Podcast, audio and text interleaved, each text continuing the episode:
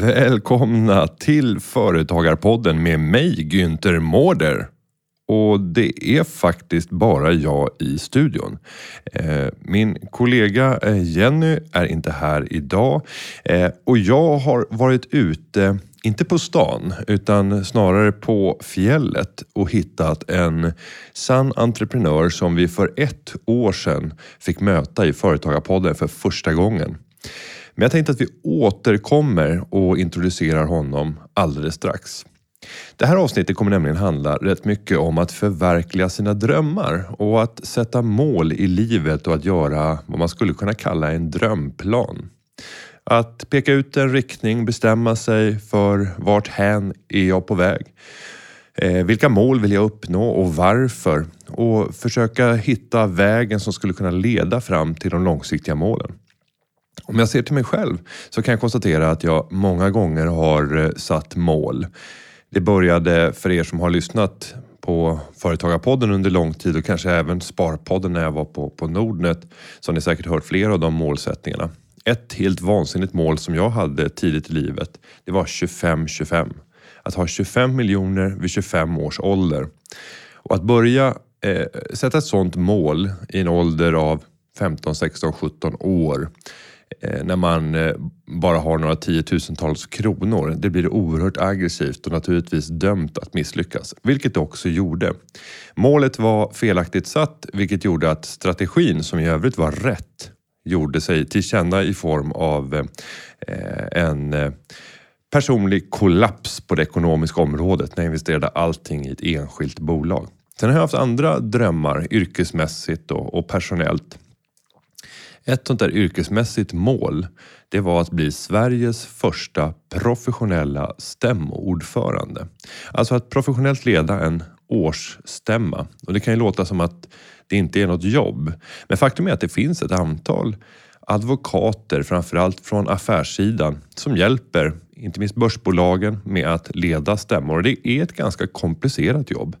Eh, och det är ett eh, mycket ansvarsfullt jobb för skulle det vara så att man fattar beslut där man inte har på årsstämman, där man inte har säkerställt att man har en erforderlig majoritet. Ja, då kan det faktiskt bli så att besluten är inte giltiga och man kan faktiskt klandra besluten och då är det upp till bolaget att backa ett beslut och gå tillbaka till innan för att sedan fatta om det. Det där kan vara en närmast omöjlig process och om det är möjligt så kan det vara fantastiskt kostsamt. Låt oss säga att man hade fattat beslut om en nyemission och så har man gjort det på felaktiga grunder. Ja, väcks det klander då och där man åläggs att backa beslutet så kan det i sig vara föremål för att faktiskt sänka bolaget. Men nog om det. Eh, jag drömde i alla fall om att få bli professionell stämmoordförande och det gjorde att jag satte upp eh, som väg dit att jag ska försöka delta på så många årsstämmor som möjligt. Vilket jag också gjorde. Jag satte mig ner och började teckna upp för Aktiespararnas räkning vilka årsstämmor som jag kunde få delta på som bisittare till en av deras ordinarie bevakare. Vid det laget så var jag ungefär 16 år gammal och det gjorde att jag ganska tidigt fick komma in och se och lära och framförallt ha en person vid min sida i form av Aktiespararnas bolagsbevakare där jag alltid kunde ställa alla de här dumma frågorna. Och det är ett generellt tips till alla. Omge dig av människor där det uppfattas som okej att ställa just de där dumma frågorna. För ingen fråga är egentligen dum och du lär dig enormt mycket. Samtidigt så har jag märkt att de här personerna vid min sida oftast känner en tillfredsställelse över att kunna besvara frågor och att kunna hjälpa en annan person. Så det där blev någonstans ett, eh, ett ömsesidig kärlek från mig och oftast då den äldre herren som var bolagsbevakare. Nu blev jag inte Sveriges första pre- professionella stämmoordförande trots att jag låg och taktade på en 50-60 stämmor per år under flera år. Däremot så blev jag VD för Aktiespararna när jag var 26 och det hade jag nog aldrig blivit om det inte vore för att jag genom att jag deltog på så många årsstämmor skaffade mig enorma kunskaper om just ägarstyrning och Sveriges börsbolag. Eh, värdefulla kunskaper om man ska leda en, en verksamhet som fokuserar på att hjälpa människor investera i enskilda aktier på, på börsen. Men nog talat om det. Nu ska vi släppa in en eh, gäst som ni har fått träffa tidigare. Han heter Staffan Taylor och eh, han eh, hade för ett år sedan när han fick delta i eh, Företagarpodden så hade han en lapp i sin ficka. Och jag tänkte att vi avslutningsvis ska försöka rekapitulera. Vad var det som stod på den lappen och har det verkligen hänt? Så jag säger varsågoda, här kommer intervjun med Staffan Taylor. Och återigen så får jag hälsa Staffan Taylor välkommen till Företagarpodden. Jag tackar så hjärtligast. Ett år sedan, då satt vi inte här. Eh, vi är just nu på Entrepreneur Ski Week. Eh, men förra året så satt vi i en Mini, världens minsta kontor på fyra hjul. Var sitter vi nu? Ja, nu sitter vi i en vacker röd stuga, nästan idylliskt om man får koppla det till Åre. Så en vacker röd stuga med vinterlandskap runt om oss och nu gömmer vi oss inne i värmen. Och i, ännu bättre, i flickornas sovrum. Ja, vi är faktiskt i ett sovrum här, ja. så det är ett spännande mötesrum. En Mini Cooper senast och ett sovrum nu, så ja. vad kommer det bli härnäst? Eh, och för att eh, snabbt rekapitulera för de som kanske inte lyssnade eller inte kommer ihåg allting från eh, förra avsnittet som sändes för ett år sedan. Vem är Staffan Taylor? Mm, den stora frågan. Jag kallar mig själv för en professionell drömmare. Hittat Vackert. på det själv. Och eh, min huvudsyssla är att jag är ute och föreläser runt om i landet och eh, föreläser om självledarskap kopplat till värderingar, drömmar, mål och vilka rädslor vi har däremellan. Och, och eh, det låter som en, eh, en spännande vardag. Hur, hur gestaltar sig den? Kan man säga någon typisk arbetsvecka? En typisk arbetsvecka handlar mycket om att preppa och förbereda inför uppdrag. Och så handlar det också om att bibehålla, vara i fokus och vara inspiration. För att min egna produkt är mig själv. Så att om jag kommer laddad och peppad inför en föreläsning så smittar det av sig direkt på publiken. Så en stor del handlar också om att jag ska vara landad och grundad så mycket med mig själv när jag möter publiken. Sen vet jag att när man föreläser så är man ofta sin egen, eh, sin egen största kritiker.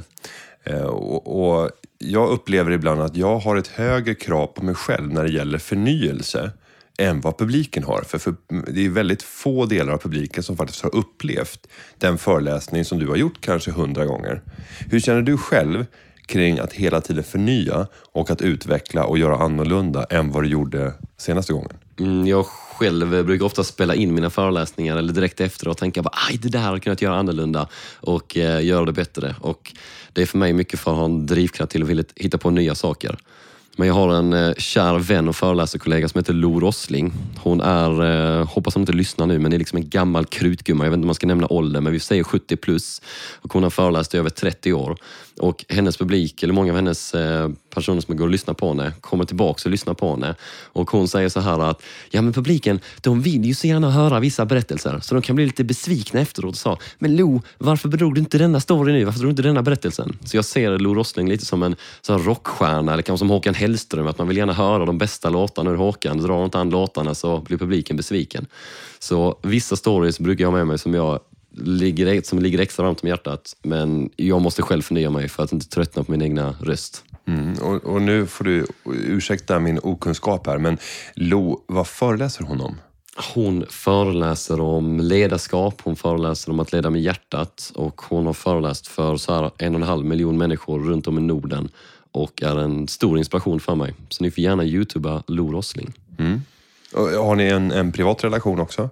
Vi har en privat relation också, så vi är goda vänner och eh, rings ibland, träffas när jag är nere i Helsingborg och så har vi föreläst tillsammans också. Vi gjorde en föreställning i Göteborg som hette Tre talande generationer. Så jag var en av föreläsarna, 90-talist. Det var Torkel Sköld som är en 60-talist och sen Lo Rossling som är 40-talist. Så det var tre talande generationer. Det var en, det var en häftig kväll. Ja, häftigt. Och eh, när vi satt här för ett år sedan så vet jag att det prasslade i din ficka och eh, i fickan så fanns det en lapp och där stod det ett mål för året. Kommer du ihåg vad det stod på den? Ja, det stämmer. Det stämmer. I, eh, I min ficka har jag en drömpuppa och i den drömpuppan har man skruva på den så kan man öppna den och i den lappen stod det internationell föreläsare. Eh, inte så ödmjukt, kan man säga. Eller? Inte, inte så ödmjukt, men jag tror mycket på att satsa på drömmar och satsa på mål och utmana egna tankar och idéer. Jag ska tillägga att på andra sidan av lappen, som inte så många vet om, så står det också alltid tillräcklig. För att också förstå att vilka drömmar jag än jagar eller vilka mål jag än jagar, oavsett om jag inte uppnår ett mål, så är jag fortfarande tillräcklig. Så det är inte, mitt värde ligger inte i vad jag uppnår och inte uppnår. Men jag drillas otroligt mycket av att ha drömmar och mål. Och om vi nu tittar ett år senare, är Staffan tillräcklig eller är han en internationell talare? Staffan är tillräcklig och han är en internationell talare nu, så det har ett spännande år. Ja. Berätta, vad har hänt? Jag har föreläst i fem olika länder sedan eh, vi var Wow. här senast. Hur, hur, kommer man, eh, hur kommer man ens ut? Jag kan tänka mig att för många som försöker bygga en karriär som föreläsare och inspiratör eller olika typer av, av eh, liksom konstnärlig förmedling på scen, det kan även vara estetiska yttringar, så är det till att börja med nästan omöjligt bara i Sverige att hitta formen och kunna hitta sin försörjning på det. Att då gå utanför Sverige. Eh, och pratar vi nu att du har föreläst i Finland, Norge, Danmark. Ja, vi, för, vi pratar om eh, Grekland, Schweiz, Tyskland, Norge och även Brasilien. Okej, nu, nu blir jag spänd här. Hur, hur lyckades du? Ja, men om vi, om vi, om vi backar bandet så skulle vi vilja backa två år bakåt. Då jag gjorde en föreläsning på Lunds universitet och det var det för internationella studenter. Och längst bak i salen så var det en person från Gambia som lyssnade och eh, bara det tyckte jag var coolt att det var internationella studenter från flera olika länder. Och efteråt så kom han fram och bara Thank you sir for this presentation. It was really, really good. I love the story about the doors. Det var en berättelse som- som vi har om dörrar. Och så efteråt så hände någonting med mig. Jag bara tänkte, shit vad coolt. Jag nådde någon från ett annat land, för jag hade föreläst väldigt mycket i Sverige sedan innan. Och där och då, när jag kom hem, säg ett par dagar senare, så skrev jag den, skrev jag den lappen, internationell föreläsare. Så där väcktes tanken och idén av att om jag kan göra detta i Sverige, varför kan jag inte göra detta i ett annat land också? Så det första steget var egentligen att själv förstå att varför skulle inte jag kunna göra det, om någon annan också kan göra det? Mm.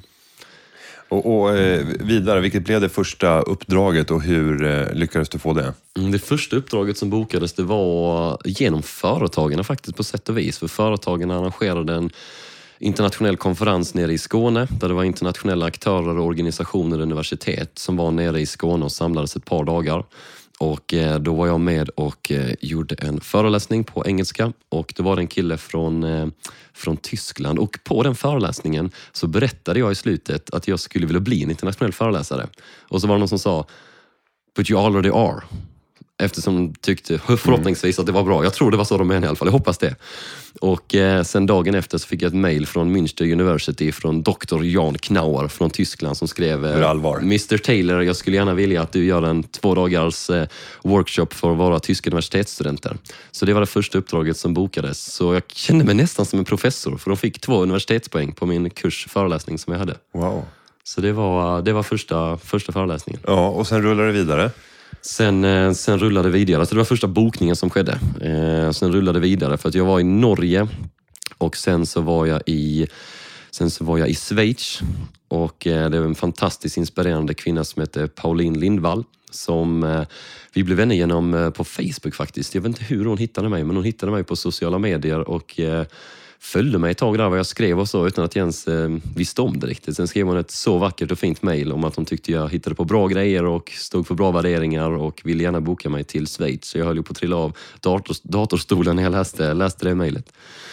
Och eh, därefter så var jag i Grekland på en eh, internationell konferens. Grekland? Alltså, och hur, hur får man ett sånt uppdrag? Ett sånt uppdrag var genom att lära känna andra entreprenörer från andra länder.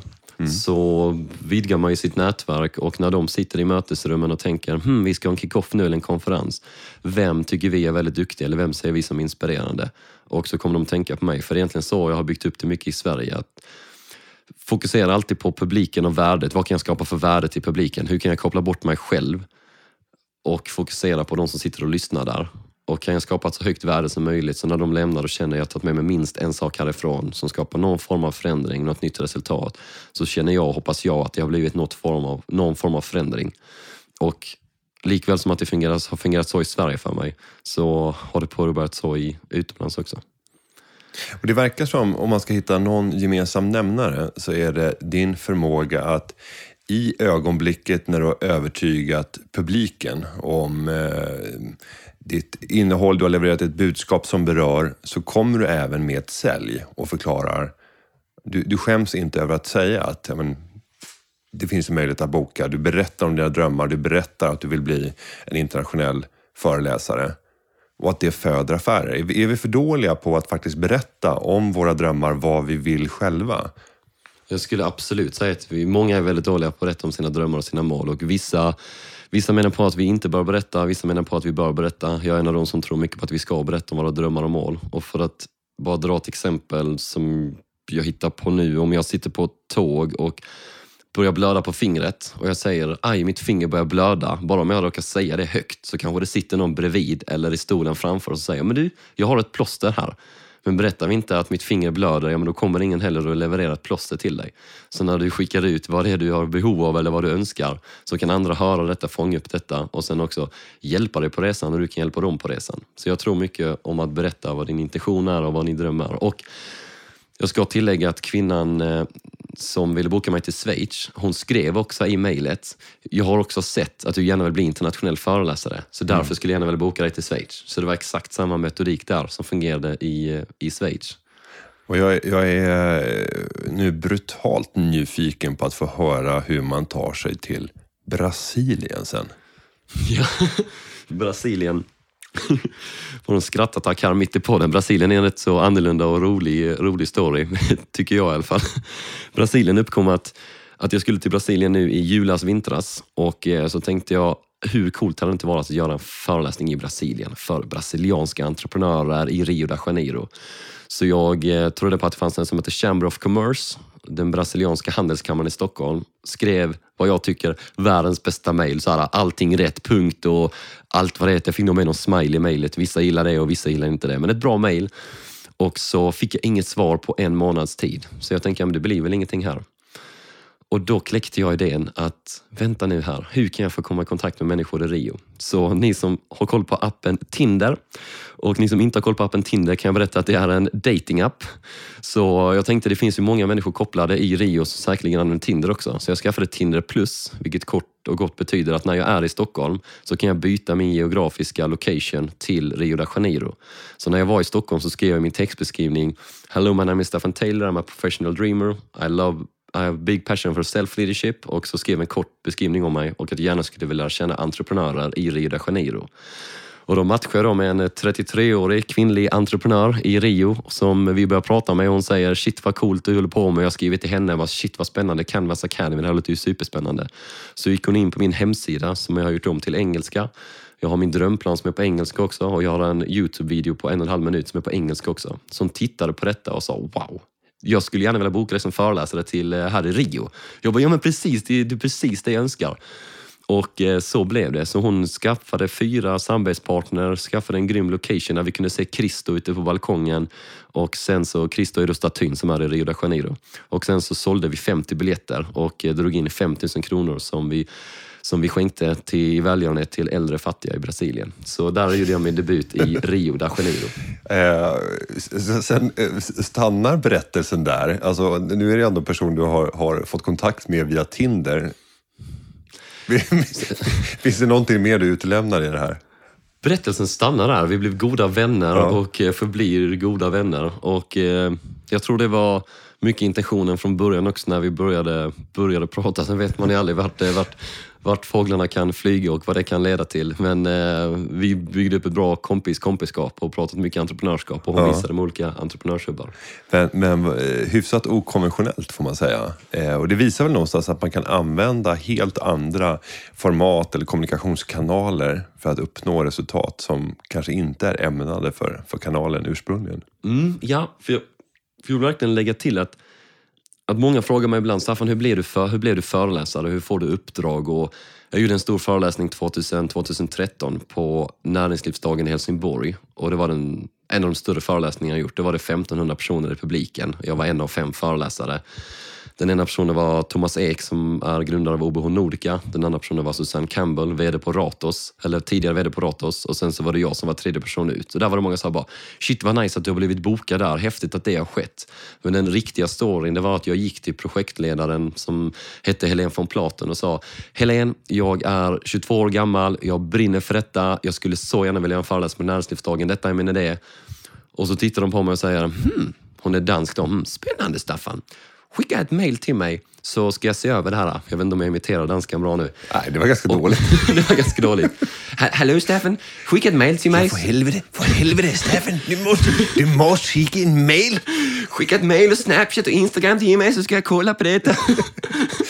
Så jag skickade ett mail till henne och sen så blev det en bokningen. Så att mycket av möjligheter och idéer och drömmar har jag skapat genom att ta kontakt med människor, genom att tro på någonting och sen eh, satsa på det. Så det är det är inte att någon kommer och knackar på dörren direkt så bara Hej Staffan, skulle du vilja komma och föreläsa här? Skulle du vilja föreläsa i Brasilien? Hej Staffan, skulle du vilja föreläsa där? Och genom dessa så blir det många ringar på vattnet. Nu så ska jag troligtvis tillbaka till Brasilien snart och besöka två organisationer som var och lyssnade där. Wow.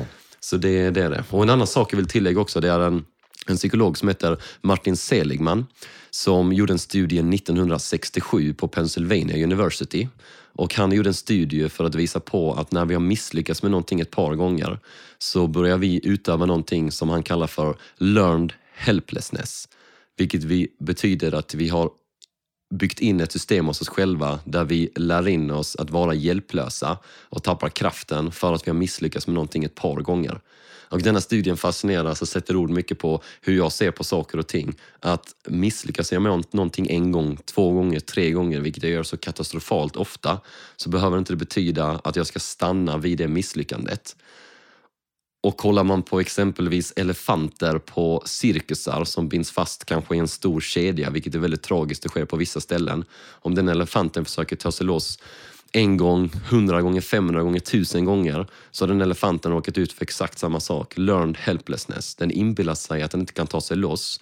Så det räcker att man tar ett litet snöre runt elefantens ben så inbillar den sig att jag kan inte ta mig loss härifrån. Och detsamma gäller oss människor, precis som exemplet med elefanten. Så Martin Seligman, om ni är intresserade av att läsa mer om positiv psykologi. Och, och då gäller det att bryta de mönsterna. Och, och vad är det för tips han ger där för att eh, bli av med den här hjälplösheten? Tipsen att bli medveten om att vi råkar ut för det. Och jag brukar beskriva det som att du är i en glasburk och har ett lock ovanför dig. Att locket är osynligt, alltså locket finns inte där men vi har själva byggt upp ett lock. Så om vi ska hoppa ut ur denna glasburken så är det bara att ta ett som ett litet grodhopp. Men vi tar inte det lilla grodhoppet för vi tänker att det är ett stort lock som är i vägen och blockerar oss. Mm. Ja, spännande. Eh, om du tittar på din karriär nu och vad som har eh, lett dig till eh, den situation du har idag. Vad, vad tror du andra företagare och entreprenörer kan lära sig av din metodik, ditt arbetssätt för att nå dina drömmars mål? För det första tror jag att det finns så många olika sätt att nå. Så att exempelvis en resa som denna med Ski Week, det är tredje året i rad som jag är uppe i Åre. Och vi är ju hundra deltagare som är på plats. Så att jag tankar ju så otroligt mycket energi och kraft och idéer av att lyssna på andra. Hur de bygger sina techföretag eller hur de bygger sina utbildningsföretag eller hur de bygger sina idéer kring när de håller på med allt ifrån dans till coola produkter eller drönare och att lyssna på andra personer. Det är någonting som jag tror väldigt mycket av att vi kan lära av varandra och därför jag fortsätter att välja att engagera mig i exempelvis Företagarna eller Young Entrepreneurs of Sweden och åka på dessa resorna för att det får mitt huvud att tänka om och det skulle jag också vilja tipsa andra till. Att åka på en resa tillsammans med andra likasinnade och oliksinnade, att träffa andra personer som tänker annorlunda och även personer som du kan bolla tankar och idéer med. Så där hämtar jag mycket inspiration. Eh, sen berättade du tidigare att du hade under det senaste året gjort en engelsk version av en hemsida. Du hade preppat hemsidan med bra material, filmer som eh, förbereder för en internationell karriär.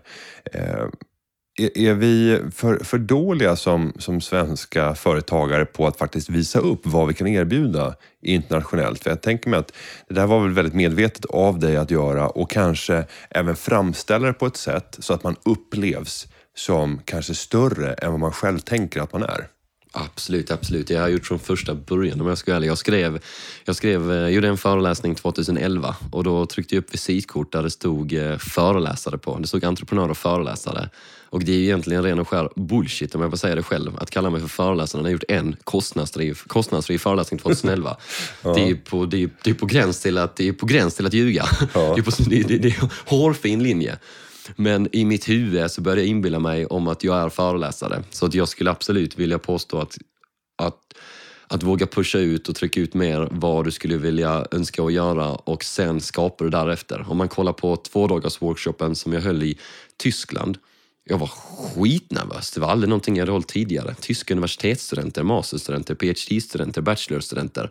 Jag trodde de hade bokat mig fel när jag skulle åka dit och hålla det. Men inför det uppdraget så fick jag ju spetsa mitt upplägg ännu mer och träna ännu mer och förbereda mig ännu mer och lägga ännu fler timmar och verkligen, verkligen preppa och för att skapa det resultatet som jag önskar. Så att kasta mig utanför min egna comfort zone och sätta mål som är utmanande, det gör mig bättre och jag tycker oftast det är jäkligt läskigt när jag gör det, men det är det som kräver för mig själv för att pusha mig själv. Ja, det är häftigt. Eh, jag tänker på eh, din generation. Du är 90-talist. Eh, ska man gå ut internationellt så ter det sig närmast självklart för hela den generationen att använda sociala medier för att tränga ut. Och med dina budskap så har du ju egentligen ett innehåll som du levererar som skulle vara magiskt för att servera som en youtuber på mm. internationell nivå. Hur tänker du kring att sprida det via sociala medier och att bli riktigt stor i de formaten? Youtube och sociala medier tycker jag är ett så intressant fenomen som fortfarande är nytt och som fortfarande växer väldigt mycket. Och jag var på en Youtube-konferens nyligen där de berättade att 24 procent av svenska befolkningen kollade på Youtube igår och 42 procent av svenska befolkningen ser på Youtube varje vecka. Så kollar man på den marknaden, hur mycket det växer, att kolla på TV genom datorn. Mm.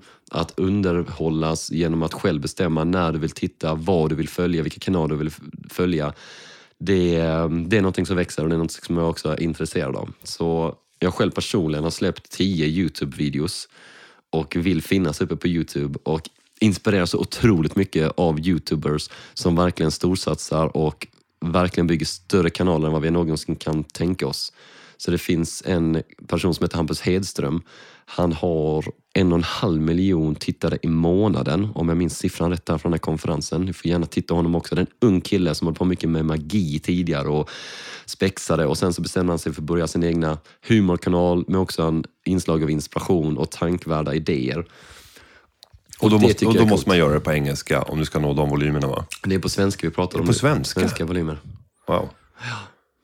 Så att göra det på såväl svenska mm. eller om man gör det på engelska, det finns ju ännu större möjligheter. Så jag klurar lite på den, eh, klurar på den lite fortfarande. Men jag är absolut intresserad av att, eh, av att fundera och sen fatta ett beslut kring, ska jag satsa eller inte satsa på Youtube? Ja, och då sitter jag med lite affärsutvecklingsidéer här. För att jag, jag gör ju rätt många livesändningar när jag är ute och föreläser. Eh, på marginalen så riggar jag upp min utrustning och, och sänder det innehållet för att nå ut till fler. Och... Eh, det, det jag tycker är bra är ju att jag får ut innehållet. Det blir rätt många fler som får ta del av det. Däremot så skäms jag många gånger över att jag inte lyckas få en bättre kvalitet i leveransen. För det är jag själv som riggar upp allting. Så det känns lite hobbymässigt.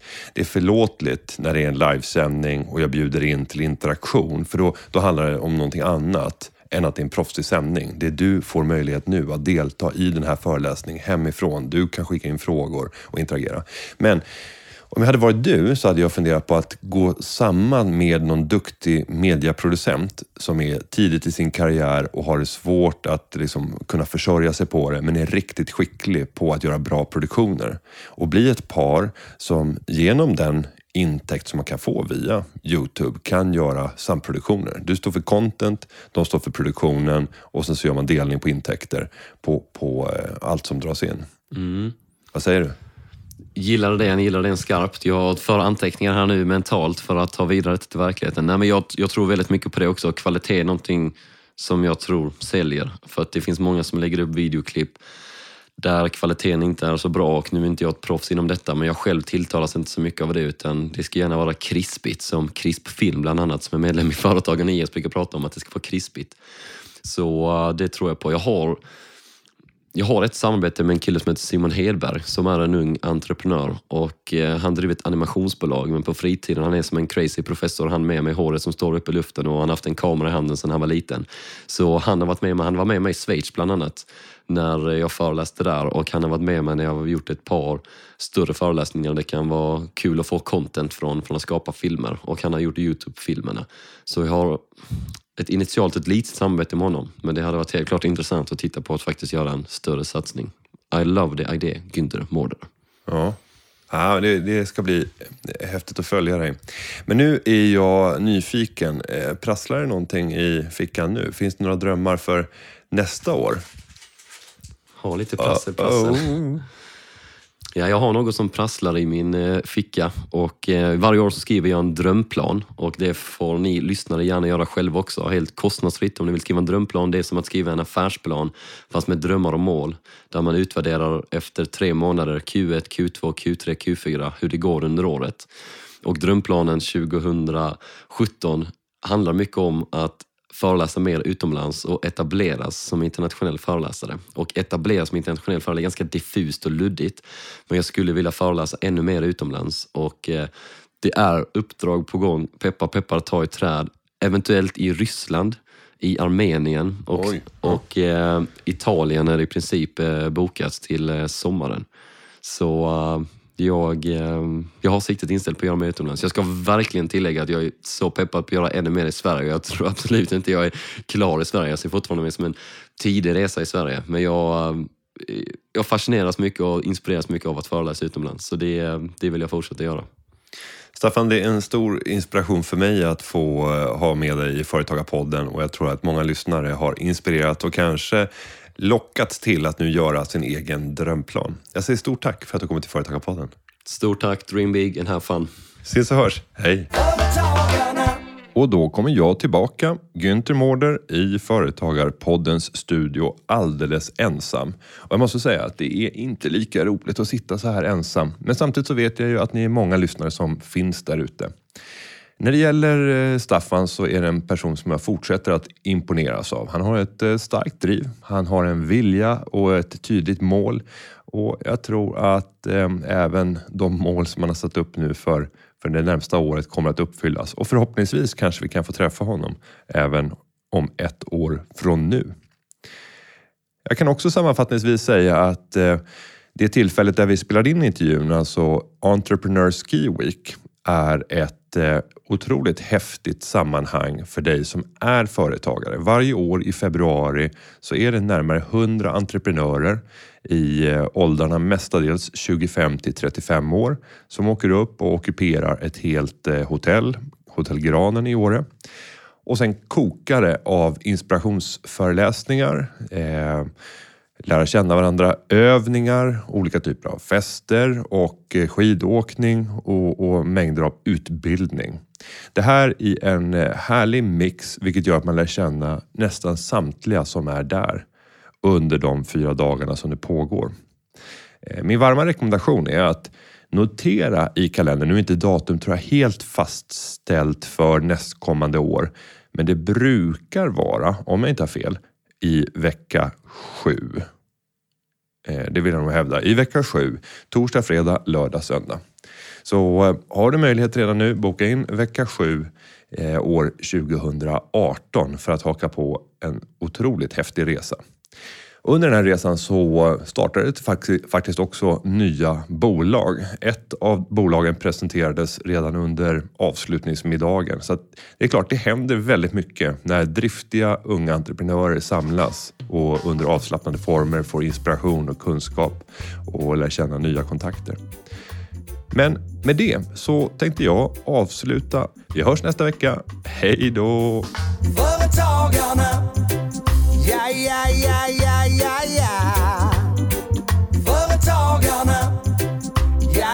yeah, yeah, yeah.